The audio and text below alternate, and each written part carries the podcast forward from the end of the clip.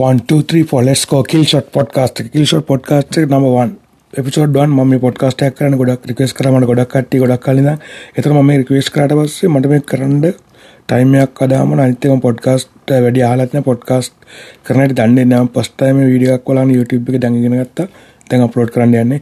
ඒතර මට කියන්න තියෙන්නේ පොඩ්කාස්ට් එක ගැන ගොඩක් කට්ටිය මම ඉල්ලපු දෙයක් මේක. මම තාසාංගික දෙයක් කරන්න. ඒකට හේතුවක් තියෙනවා දැන් YouTube එක. අපේ භාෂාවෙන් කියන දැන් චොර වෙගෙන ඉන්නේ YouTube Facebook වගේම තමයි crowd එක බෑරෙන අන්තිමයි අර තමන් කැමති දෙයක් කියන්නේ full open දෙයක් දාපු ගමන් ඒකට එහෙම ඇටැක් කරන්න පටන් ගන්න උදාහරණයක් විදියට මම අර bad energy වීඩියෝ එක දැම්මනේ මම ඒක දැම්මේ මගේ real life experience එක ගන්න. එතකොට experience එක මම ඒකෙදි කිව්වනේ මම මේක තව episode දෙකක් තුනක් කරලා මේක ඉවරන මට ආයි කියන්න දෙයක් නැහැ. මේක තමයි සත්‍ය කතාව මම කියන ලේ කියලා මම දාපු ගමන් මට ඇටැක් කරන්න පටන් ගත්ත එන සෙට් එකක්. ඕල් මම විශ්වාස කරන නැති කට්ටිය ඇටැක් කරන පිස්සු බල්ලෝ වගේ. ඒ කියන්නේ ඕල් මම කියන එක මේ ලෝකේ තියෙනවා නම් මම experience එක මොන දෙනවා මම ඒ කියද්දි තව කට්ටිය පේන්ට්ස් කරන එකට ඇටැක් කරන හොගල් මට ඒක වදයක් වුණා. මම නෙගටිව් ඒවට බය නැහැ. නේද මේ මට එක අපිරේගෙන ඕන දේ කුණහරප කමෙන්ට් දාන්න මට තිත්තුන එක මම නවත්ත මේකයි. රයිට් මේ පොඩ්කාස්ට් අපිට ඒක කතා කරන්න පුළුවන්. අපිට කතා කරන්න ඊට පස්සේ කතා කරන්න පුළුවන්. ලෝ පැටැක්ෂන් මම මගේ භාෂා විලාසයෙන් පොඩ්ඩක් අවුලක් tie හේතුව මම පටවට ගාලා කියවන්නේ නැද? මම පොඩ්කාස්ට් එකට වොයිස් දීලා නැහැ. ෆස්ට් ටයිම් මේක කරන්නේ. ඒකට පොඩ්ඩක් අප්සෙට් වුණොත් එimhe මම නෙක්ස්ට් ටයිම් මේක ක්ලියර් කරලා ලස්සන කරන්නම් ඒතර මම මේකේ දැන් මම දෙන්නලා ඇති බේසික් අයිඩියා එකක් මම මොකද්ද කරන්න යන්නේ කියන එක ගැන මේතර මේකෙන් මම එහෙම හැමතැනින්ම මල්ලාගෙන අපි දැන් යමු කෙලින්ම ලංකාවට. ලංකාවේ මිනිස්සු. එතකොට දැන් ලංකාවේ මිනිස්සු මතයක් තියෙනවා අපි දැන් මෙහෙමනේ. දැන් අපි කියන ගොඩක් දේවල් ලංකාවේ මිනිස්සු පිළිගන්න කැමති නෑනේ. දැන් දැන් උදාහරණයක් විදිහට මම ඇමරිකාවේ දැන් ඇමරිකාවේ හෝම්ලස් මිනිස්සු කෙනෙක් කට්ටිය අහන කට්ටිය ඉන්නවනේ. ඒ ඇමරිකාවේ හිඟන්න දැන් උදාහරණ මෙහෙම කියනවා. මේ ළඟදී මට කමෙන්ට් එකක් කරලා තිබ්බා. උඹ ඇමරිකාවේ සැප සැප විතරක් පේන හිඟන්නු ටිකක් තියලා පෙන්නපන් කියලා. හිඟන්නු ටිකක් පෙන්නපන් කියලා රයිට්. එතකොට ඒ වගේ මට ඇමරිකාවේ දැන් මොකක් හොඳ වීඩියෝ එකක් දාපු ගමන් මේ ඉන්න හෝම්ලස් කට්ටිය ගැන කතා කරන්නේ නැති අය උඹේ වාහන අපෙන් කියලා ඒ වගේ මිල කට්ටිය සෙට් එකක් ඉන්නවා. ඒකට හේතුව දැන් මොකක්ද කියන්නේ දැන් කොටස මිනිස්සු දෙකොටසක් ඉන්නවනේ දැන් channel එකේ වීඩියෝ වල ආසාවෙන් කට්ටියක් ඉන්නවා. ඇමරිකාට හේට් කරන සෙට් එකකුත් නේ. ඇමරිකාට හේට් කරන සෙට් එක වහල්ලු. වහල්ලු කියන්නේ ඒගොල්ලෝ ගොඩක් වෙලාවට දේශපාලකයන් ගෑරි අර ඇමරිකාට හේට් කරන මයින්ඩ් සෙට් එකක් ලංකාවේ තියෙන ඇමරිකාට හරි ඕනම දෙයකට ඒ කියන්නේ දූපත් මානසිකත්වය කියලා එකක් ලෝකේ තියෙනවා කියලා පිළිගන්නවද? පිළිගන්න වෙනවා අනිවාර්යයෙන්. මේකට මම හේතුවක් කියන්න. අපි දැන් දූපතෙන් එළියට අපි වුණත් ඔහම තමයි දැන් අපි ලංකාවේ ඇතුළේ ඉනකොට අපි දැකපු ගොඩක් දේවල් ලංකාවෙන් එළියට අරවස් අපිට පේන්නේ වෙන විදියකට. මම ඩුබායි හිටියේ. මම ඩුබායිල දැකපු ගොඩක් දේවල් ඩුබායිලෙන් ඇමරිකාට අරවස් තවත් විදියකට පේන්නේ. ඒකට හේතුව තමයි අපි අප්ඩේට් වෙනකොට මේ තනිකර ලෝකේ අපි මායාවක ඉන්නේ. ඒ ලංකා කියන පව් ඉතින් ඇත්තම ලංකා කියන්නේ ලංකා ජනගානයෙන් බහුතරයක් මීඩියා වලින් දේශපාලකයෝ හාමුදුරු ඔක්කොම එකතු වෙලා ගේමක් ගාලා රවට්ටන්ගෙන ජනතාව කොටසක් තමයි ඉන්නේ. ඒක පුපුරා ගිය අවස්ථාවක් තමයි අරගලය කියලා කියන්නේ. ওই මිනිස්සුන්ට ওই ප්‍රශ්න දිගටම ඔහොම තිබ්බනේ. ඒ ඒක පුපුරායන්ට හේතුවක් වුණේ හේතුව තමයි සමාජයේ ඇතිච්ච ජනමතය. ඒ ජනමතය කියන්නේ දූපත් මානසිකත්වයෙන් එළියේ ඉඳන් හිතන සෙට් එකක්ම සායන කාලයක් අරන් ගිය සටනක ප්‍රතිඵලයක් විදිහට තමයි අරගල දැන් ඔය ඇති වුණා කියලා මම දකින්නේ. ඒකත්තත් ඒකම තමයි උදාහරණයක් විදිහට අපි ගමු පුල්සාන්ට සන්නස් කළ සේපාල YouTube එකේ. එතකොට ඔය පැතුම් කර්නර් එතකොට තවර නම් දන්න වලක් මම කියනකොට ඒකට හිතා ගන්න පුළුවන් ඇති. අලුතෙන් ආපු සමාජ චරිත ගොඩක් ඉන්නවා මහාචාර්ය රුචිර කියලා ඉන්න සර් කෙනෙක්. එයා YouTube එක. ඒ වගේ කට්ටිය දිගට දිගට මේ මිනිස්සුන්ගේ බ්‍රේන් වොෂ් කරා. ඒගොල්ලෝ මේ දේශපාලන අරමුණක් කරාගෙන යන්නේ නැතුව මිනිස්සුන් ඒ කියන්නේ සත්‍ය කියන සෑහෙන කාලයක් ඒ සත්‍ය කියපු කට්ටිය තමයි ඔය එකතු වෙලා ඕගනයිස් වෙලා අන්තිමට පාරට බැස්සේ. ඒ කට්ටිය තමයි මූලිකත්වය ගත්තේ. ඒ වගේ තමයි දූපත් මානසිකත්වය කියන එක. ඒ කියන්නේ මෙච්චර කලගෙන පුපුරන්න දැන් මම බයියෝ ගැන වහල්කම ගැන හැම දෙයක් ගැන මම අවුරුද්දක් දෙකක් වගේ මාත් කතා කරනවානේ. ඒ කතා කරනකොට ඒ මම කතා කරන්නේ මෙහෙට ඇවිල්ලා මම දැකපු දැකපු දේවල් මම කතා කරන්නේ. ඒතකොට ලංකාව ඇතුලේ මේ ලෝකේ නොදක ඒ කියන්නේ මේ ලෝකෙ වැඩි එලිට වැඩි යන්නේ නැතුව දුනත් ඒ ලංකාවේ ගැන කතා කරන සෙට් එකක් ඉන්නවනේ.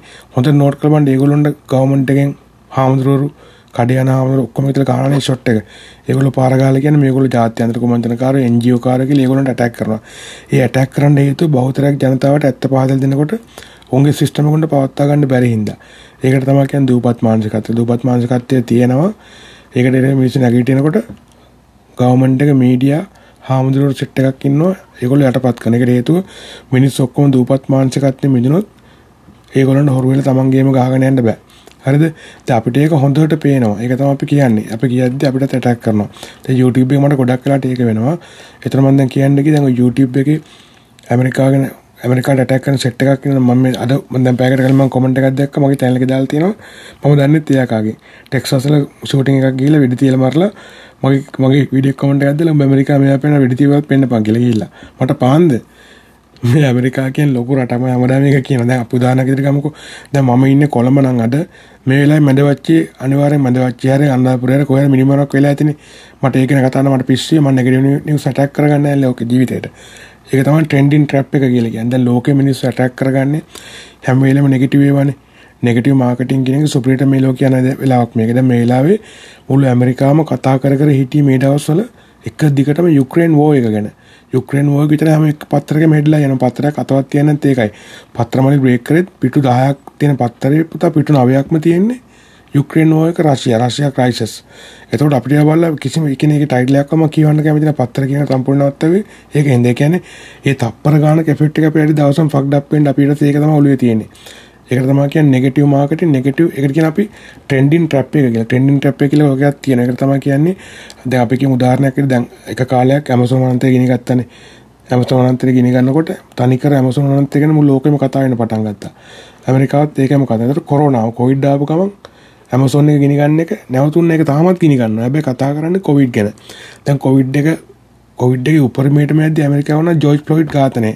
ජෝර්ජ් ෆ්ලොයිඩ් මරන්නේ මිනසෝටා පොලිසියෙන් වෙඩි තියලා ඒ මරපු ගමන් ඇමරිකාවම කතාන පටන් ගත්තා ඒක. ඒතකොට කොවිනා කොවිඩ් එහෙම යට ගියා. ඒ වගේ තමයි දැන් මේ වෙලාවේ. දැන් මේ වෙලාවේ තනිකර ඇමරිකාවේ ෂූටින් තුනක් වුණා. එකක් ඔය මේ අද අද ටෙක්සස් රිච් එකේ තමයි මම නිවුස්ත් මම දැන් තාම දැකන කමෙන්ට් එක මම දැනගත්තේ. අනිත් එක තමයි කැලිෆෝනියාවේ ලැගුනා බීච් වල එකක් වුණා. ෂූටිං එකක් අනිත් එක මේ බෆලෝ නිව්යෝක් පැත්තේ වෙච්ච එක. ඒ ඒ තුන තමයි දැන් පත්‍රවල හෙඩ්ලයින් ඔක්කොම තියෙන්නේ. දැන් යුක්‍රේන් නිවුස් කොහෙවත් නැහැ. ඒ වගේ ඕක තමයි නෙගටිව් මාකට් අපි ඔකට આવනවා අපේ ලයිෆ් එකේ අපි වැඩ ඔක්කොම අවුල් කරනවා අපි ඒක ෆලෝ කරනවා දැන් මගේ channel එකේ කමෙන්ට් දාන කට්ටිය සෙට් එකකුත් තියෙනවා ඒගොල්ලෝ බලන් ඉන්නේ ඇමරිකාට ඇටැක් කරන්න. ඒ කියන්නේ මට ඇටැක් කරන්න. හරි ඇමරිකාවේ ඕන කෙනෙක්ට ඇටැක් කරන්න. ඒක තමයි ඒගොල්ලන් හදලා තියෙන මයින්ඩ් සෙට් එක. ඇමරිකාව චාටර් කරලා මොකක් හරි මේ ජාත්‍යන්තර කුමන්ත්‍රණකාරයෝ අරමයා කියලා එහෙම ආ මාර දිනයක් තියලා කියන්නේ. මම අදහස ඒ කියපු කෙනා කමෙන්ට් කරපු කෙනාගේ channel එකට ගිහිල්ලා මම බලයා ෆලෝ කරන් channel මොනවද? එයා ෆලෝ කරන් channel තමයි උදේගම්මන් පිළ. ඒ වගේ ඒ වගේ ඒ වගේ දේශපාලන චරිත ටිකක් අනිත් එක එක එක අර බන මනස්කාර බන දේශනා කරන හාමුදුරුවෝ සෙට් එකක්. එහෙම කට්ටියක් තමයි ඒගොල්ලෝ ෆලෝ කරන්නේ. ඉතින් අහන්න දෙයක් නැහැනේ. ඒගොල්ලෝ අන්ද ඇන්දිලි ඉවරයිනේ. ඒ වගේ කට්ටිය නම් කතා නොකරමු. ඒක සබ්ජෙක්ට් එකක් මගේ දූපත් මානසිකත්වය ගැන. අනිත් එක තමයි law of attraction. මම හැම එකෙම මම කතා කරන එක පොඩ පොඩ බැලන්ස් කරලා කතා කරන. මේ ගැන සම්බන්ධව දැන් පොඩ්කාස්ට් එකේ මම දැන් ගිහිල්ලා මේක ස්ක්‍රීන්ෂොට් එකක් කරලා මම පත්‍රයකේ දානවා. පෝස්ට් එකක්. ඔයාලට එතකොට ඔයාලට ප්‍රශ්න තියෙනවා ඔක්කොම කියලා ටයිප් කරන්න පුළුවන්.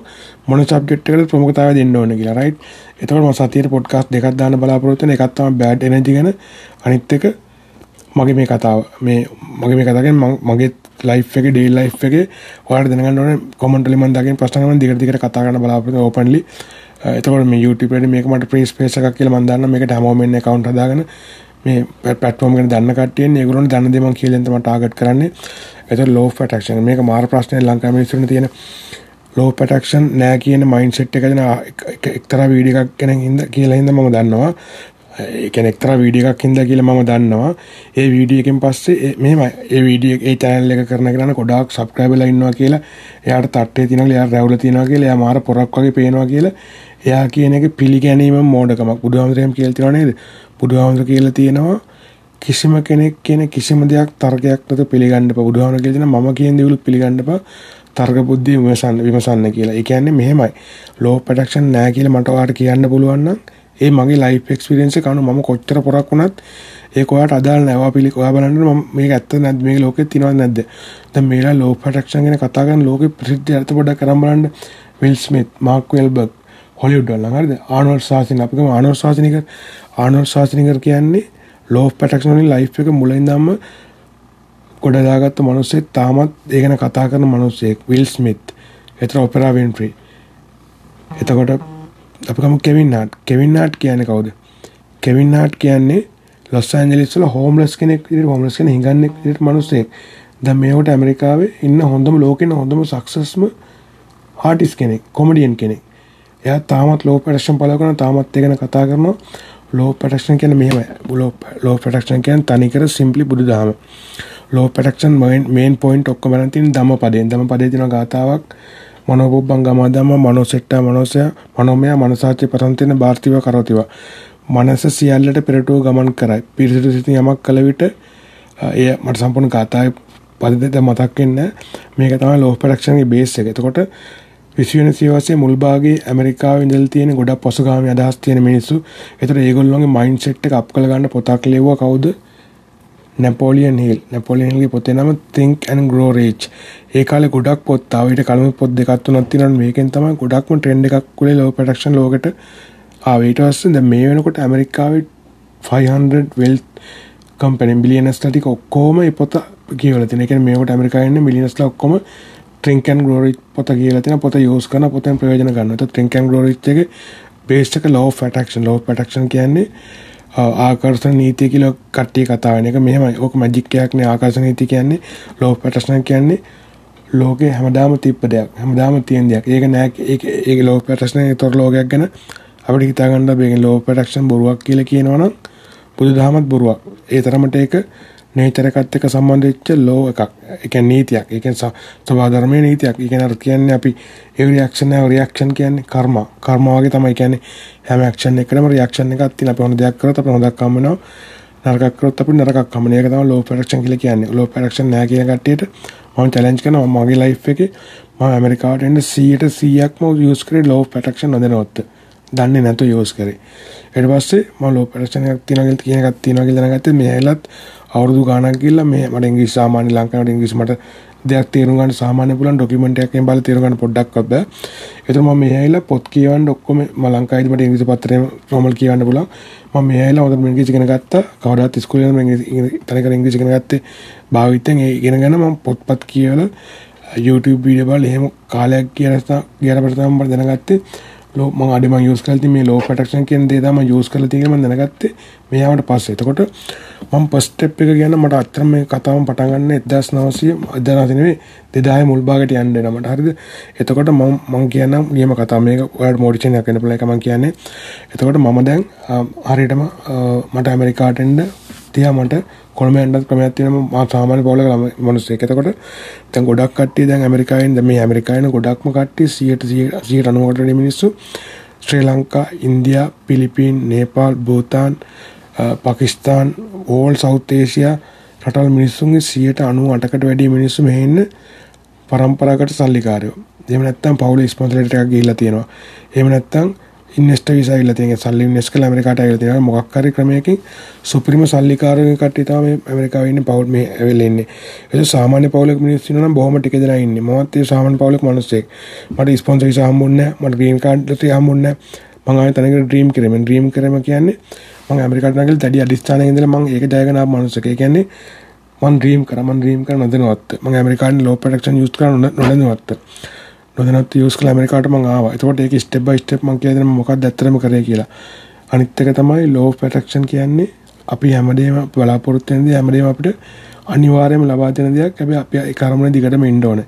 ඒ කියන්නේ අපිට ඇමරිකාට නගල ටාගට් කරන් ඉඳලා ඒ කියන්නේ ඇමරිකාට නගල ටාගට් කරා කියන්නේ ඒක වෙන කිසිම දෙයක් නොකර ඒක ගැන හිතේ තියෙන එක නෙවෙයි. අපි ඒක අපි ඒක නොනවතින අපේ හිත ඇතුලේ තැම්පත් කරනවා.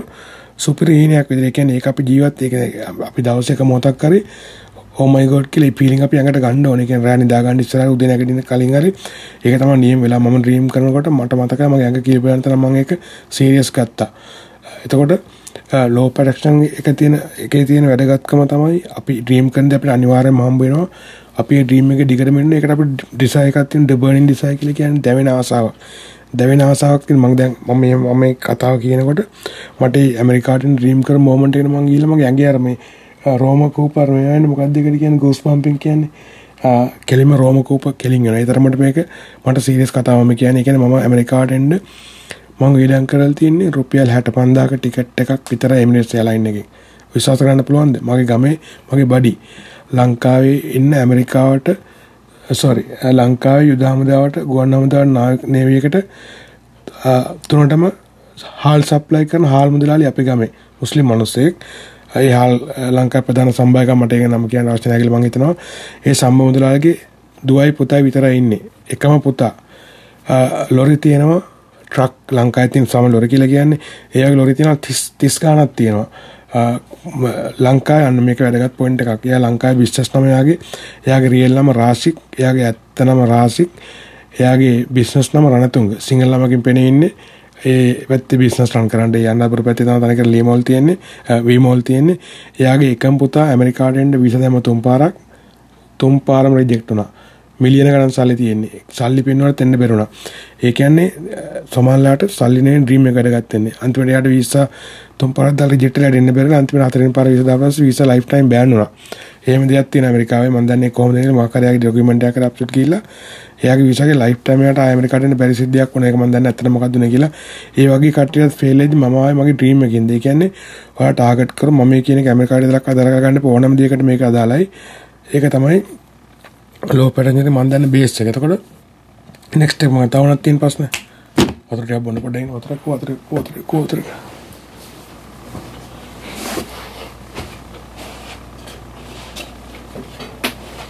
yes වතුර නෙමෙයි මේවා. මම බොන්නේ එනර්ජි ඩ්‍රින්ක් එකක් සෙල්සියස්.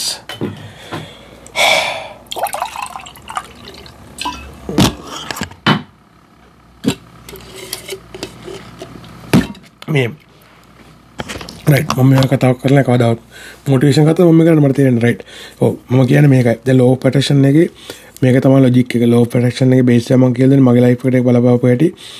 අනිත් එක තමයි දැන් අපි YouTube එකේ අර මොකක් හරි වීඩියෝ එකක් කරලා අපි දැම්මට පස්සේ. ඒ වීඩියෝ අපි එක්සැම්පල් එකක් වීඩියෝ එකක් අපි දැම්මම මම දැන් වීඩියෝ එකක් පෝස්ට් කරලා අපි දැම්මට පස්සේ මොකක් හරි හොඳ කොච්චර හොඳ දෙයක් දැම්මත් ඕක නෙගටිව් කමෙන්ට් දාන සෙට් එකක් ඉන්නවනේ. නෙගටිව් කමෙන්ට් දාන සෙට් එකක් ඉන්නවා. ඒකෙන් ඒගොල්ලොන්ගේ මයින්ඩ් සෙට් එක ඇදලා තියෙන්නේ නෙගටිව් විදිහට. ඒ කියන්නේ කොච්චර හොඳ දෙයක්ද අපි දැන් උදාහරණයක් ගමන් ආපහු මගේ ඊළඟ වීඩියෝ මම දැම්ම දොරිටස් වීඩියෝ එකක් දැම්මනේ.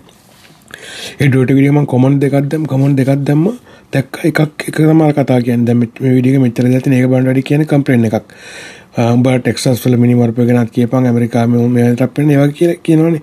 ඒ වගේ ඒ අප නෙගටව මයින් ට එක අපි ඒකට හේට කරන තේරමන්න ඇබයි අතලට කිල් ෂොට් එක දුන කවන්න රේටලම ටෙක්සස් බය මතකන ටෙක්සස්ටල කෙනෙක් මට කරව තමන්ගේ නොහැකියාවට තමන් වැඩි දෙයක් තව කෙනෙක් කරද්දි ඒගොල්ලො ඇයිල මොක්ක නෙගටව කමට එකක්ද අපි ඩවන් කරන්න බලනවා.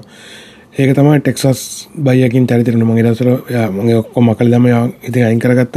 මගේ තාකාල අතලගත කවටම ලයිප්ට ටැක් කරගන්න ඒක හේතුවත් අපි කට ටැක් අපි මයින්ඩ එක තම ෆක් ඩප්පිනික අපි දැගේ තේර කරගන ඔයරකන දැ මිඩස්ටික අරගලට සපොට් කන්න කියලා ම ගොඩක් මට පෝස්ට දවන මට එක මානසික වදගෙන අප මනස අපි හිරකන්න ොන කුණකොඩලින් කාට බේට් කරන්න කියට පස්සේ ඒ අපට අපිට ප්‍රශ්නයක්න ය මනුසට කදාල නැති ගොඩක්ට ප්‍රශ්නයකන පුළුව වෙනම කතාවක්.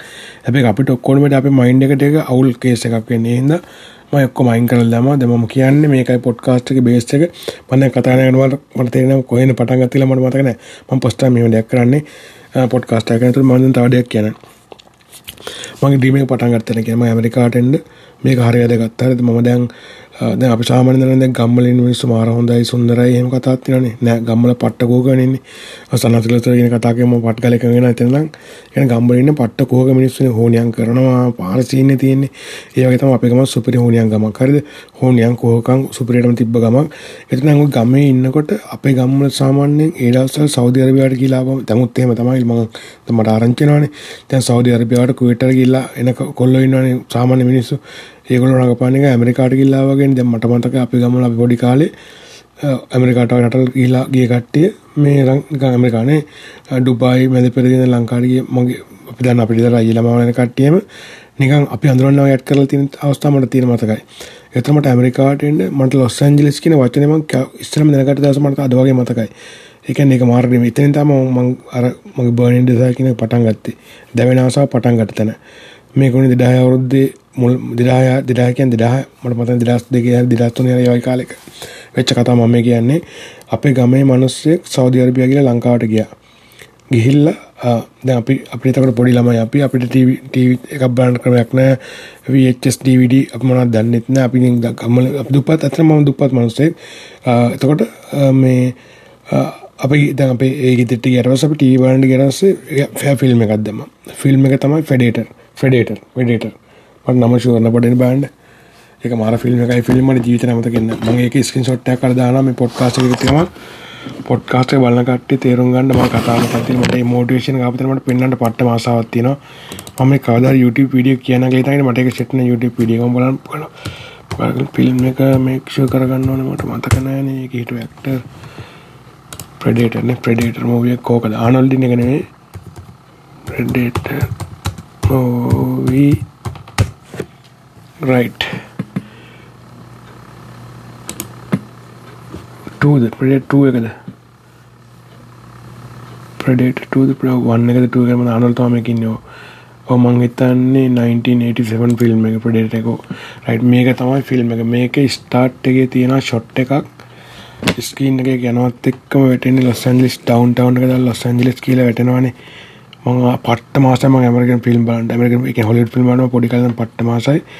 දැන් ඔය මං කියන චරිතයේ ඉදිරියට ගිහලා මම ෆිල්ම් එක බලනකොට ඒ කියන්නේ ෆිල්ම් එකක් ෆිල්ම් එකක් බලමු කියලා කට්ටිය දැන් මම පොඩි ළමයි අපිට දන්නවා ඔය පොඩි කාලේ මිනිස්සු එන අපි මේ බුලි කරනවානේ.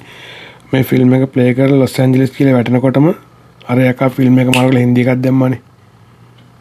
මං වෙන්දි තැනත් ආපහු ෆිල්ම් ප්ලේ කරගෙන ලෑන නම්බලට පොඩි උන්ඩ බලන්න දුන්නා කියලා.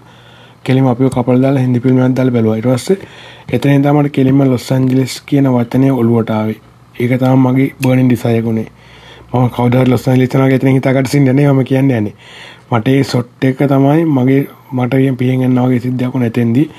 එතෙන් තමන් ඇමරිකාට නාගල තීරණයකට ඩීප් කියන ඩිසකැන් බැල් දැවෙන ආසාට පත්වන එතෙන්දි මම.